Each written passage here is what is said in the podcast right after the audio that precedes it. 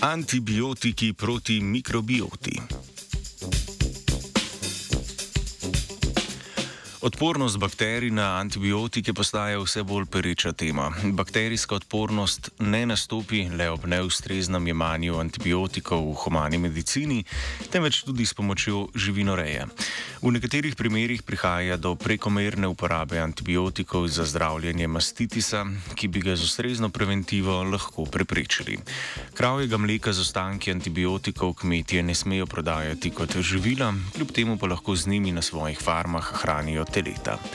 Francoska raziskovalna skupina je v reviji Veterinary Microbiology objavila izsledke raziskave o vplivu, ki ga imajo ostanki antibiotikov v mleku na selekcijo E. coli v črevesju telet.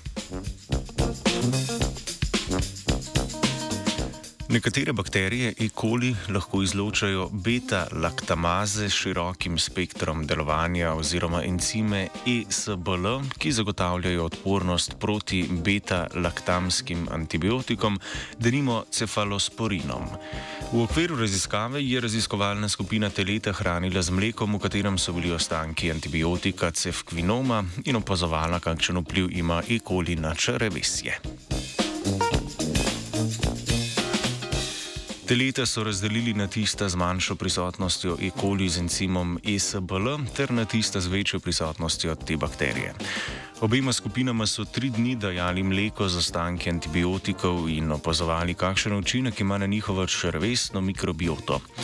Pri teletih z manjšo vsebnostjo E. coli z encimom ESBL raziskovalna skupina v črvesni flori ni zaznala sprememb. Teletom z večjo prisotnostjo E. coli z encimom ESBL pa se je nivo bakterij znatno povišal.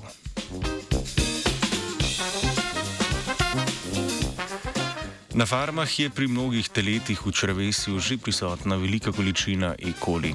Tam, eh, te bakterije izločajo beta-laktamaze širokim spektrom delovanja, zato telet ni priporočljivo hraniti z mlekom, v katerem so ostanki antibiotikov.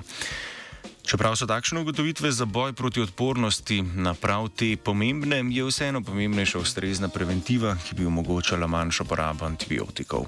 To pa je mogoče doseči le zagotavljanjem ustreznih higijenskih in življenjskih pogojev na farmi. Večje odpornosti bakterij se ne veseli živa.